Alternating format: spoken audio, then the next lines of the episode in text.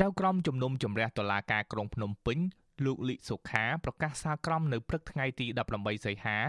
ដោយផ្ដន្ទាទោសលោករងឈុនឲ្យជាប់ពន្ធនាគារ2ឆ្នាំពីបទញុះញង់ឲ្យប្រព្រឹត្តអំពើបង្កឲ្យមានភាពវឹកវរធ្ងន់ធ្ងរដល់សន្តិសុខសង្គមចំណែកសកម្មជន2នាក់ទៀតគឺកញ្ញាសកណិកានិងលោកតុននីមុលតុលាការបានផ្ដន្ទាទោសពួកគេឲ្យជាប់ពន្ធនាគារម្នាក់20ខែ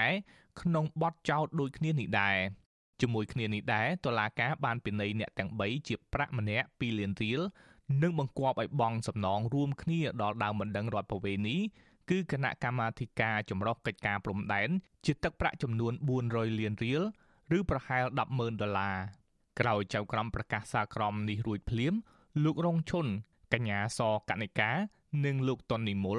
បានស្រែកព្រមព្រមគ្នានៅក្នុងបន្ទប់សវនាការថាអយុត្តិធម៌ណាស់ តុលាការមិនឯករាជ្យនិងថាតុលាការកាត់ក្តីក្រោមសម្ពាធរបស់អ្នកនយោបាយ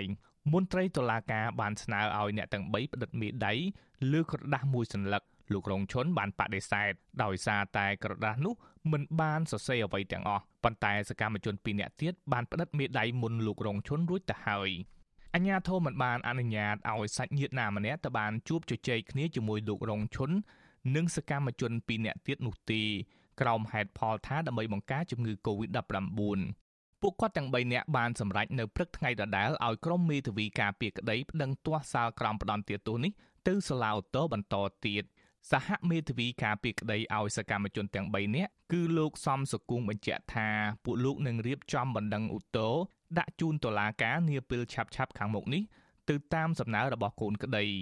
លោកសំសុគងថ្លែងថាការផ្ដន់ទាទោសកូនក្តីលោកទាំង3នាក់នេះ គឺជារឿងអយុត្តិធម៌និងធ្ងន់ធ្ងរហួសប្រមាណជាពិសេសសម្រាប់លោករងឈុនព្រោះតឡាការផ្ដន់ទោសគាត់រហូតដល់កម្រិតអតិបរមានៃទោស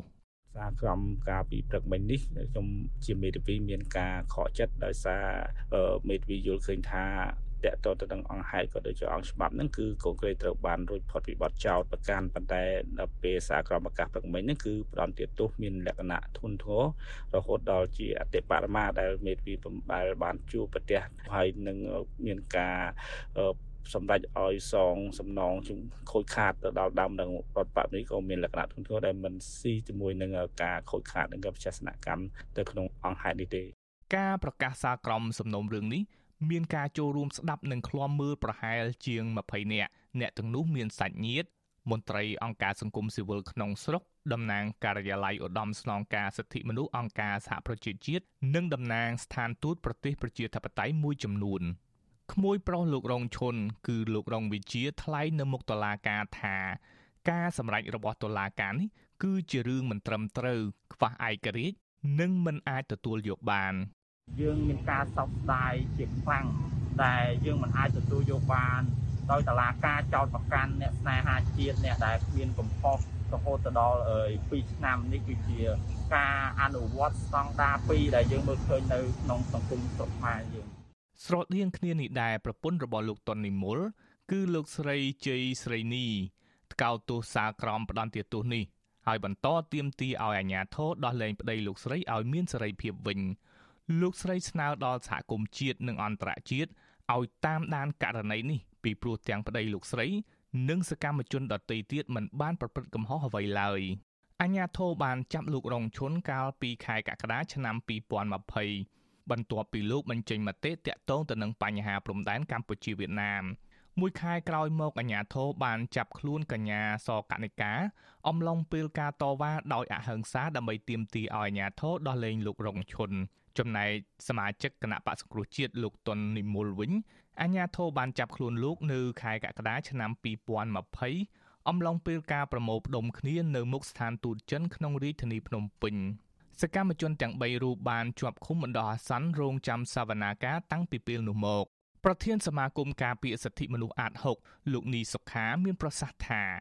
ក្រុមអង្គការសង្គមស៊ីវិលសោកស្ដាយជាខ្លាំងចំពោះការផ្ដន់ទាទោសលោករងឈុន និងសកម្មជនពីរនាក់ទៀតពីព្រោះសកម្មភាពរបស់ពួកគេមិនមែនជាបទល្មើសនោះឡើយលោកសង្កត់ធ្ងន់ថាការបញ្ចេញមតិនិងការប្រមូលផ្ដុំដោយសន្តិវិធី គឺជាសិទ្ធិសេរីភាពមូលដ្ឋាន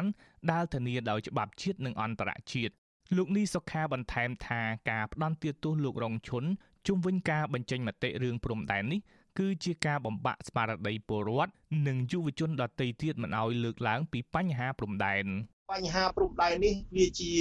ចំណុចរសើបរបស់រដ្ឋាភិបាលពិសេសគឺព្រំដែនរវាងកម្ពុជាជាមួយវៀតណាមនេះដូច្នេះហើយចង់មិនចង់តឡាការអាចនឹងខ្វះនៅភាពឯករាជ្យខ្លះក្នុងការដាក់ទូទាត់នេះការផ្ដន់ទាទោសលោករងឈុននិងសកម្មជនពីរនាក់ទៀតនេះក៏រងការរិះគន់ពីតំណាងទូតប្រទេសប្រជាធិបតេយ្យមួយចំនួនដែរ ឯកអគ្គរដ្ឋទូតសហរដ្ឋអាមេរិកប្រចាំនៅកម្ពុជាលោក Patrick Murphy បានសរសេរនៅលើបណ្ដាញទំព័រ Twitter ថាការផ្ដន់ទាទោសលោករងឈុនមេដឹកនាំសហជីពដ៏គួរឲ្យគោរពនោះ បង្កើតចម្ងល់យ៉ាងធ្ងន់ធ្ងរអំពីសេរីភាពបញ្ចេញមតិដែលការពារដោយរដ្ឋធម្មនុញ្ញកម្ពុជា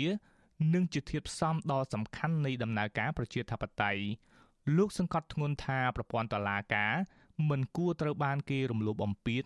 ដើម្បីបំបិតសម្លេងសកម្មជនអហិង្សានិយមនោះទេស្រដៀងគ្នានេះឯកអគ្គរដ្ឋទូតអូស្ត្រាលីប្រចាំកម្ពុជា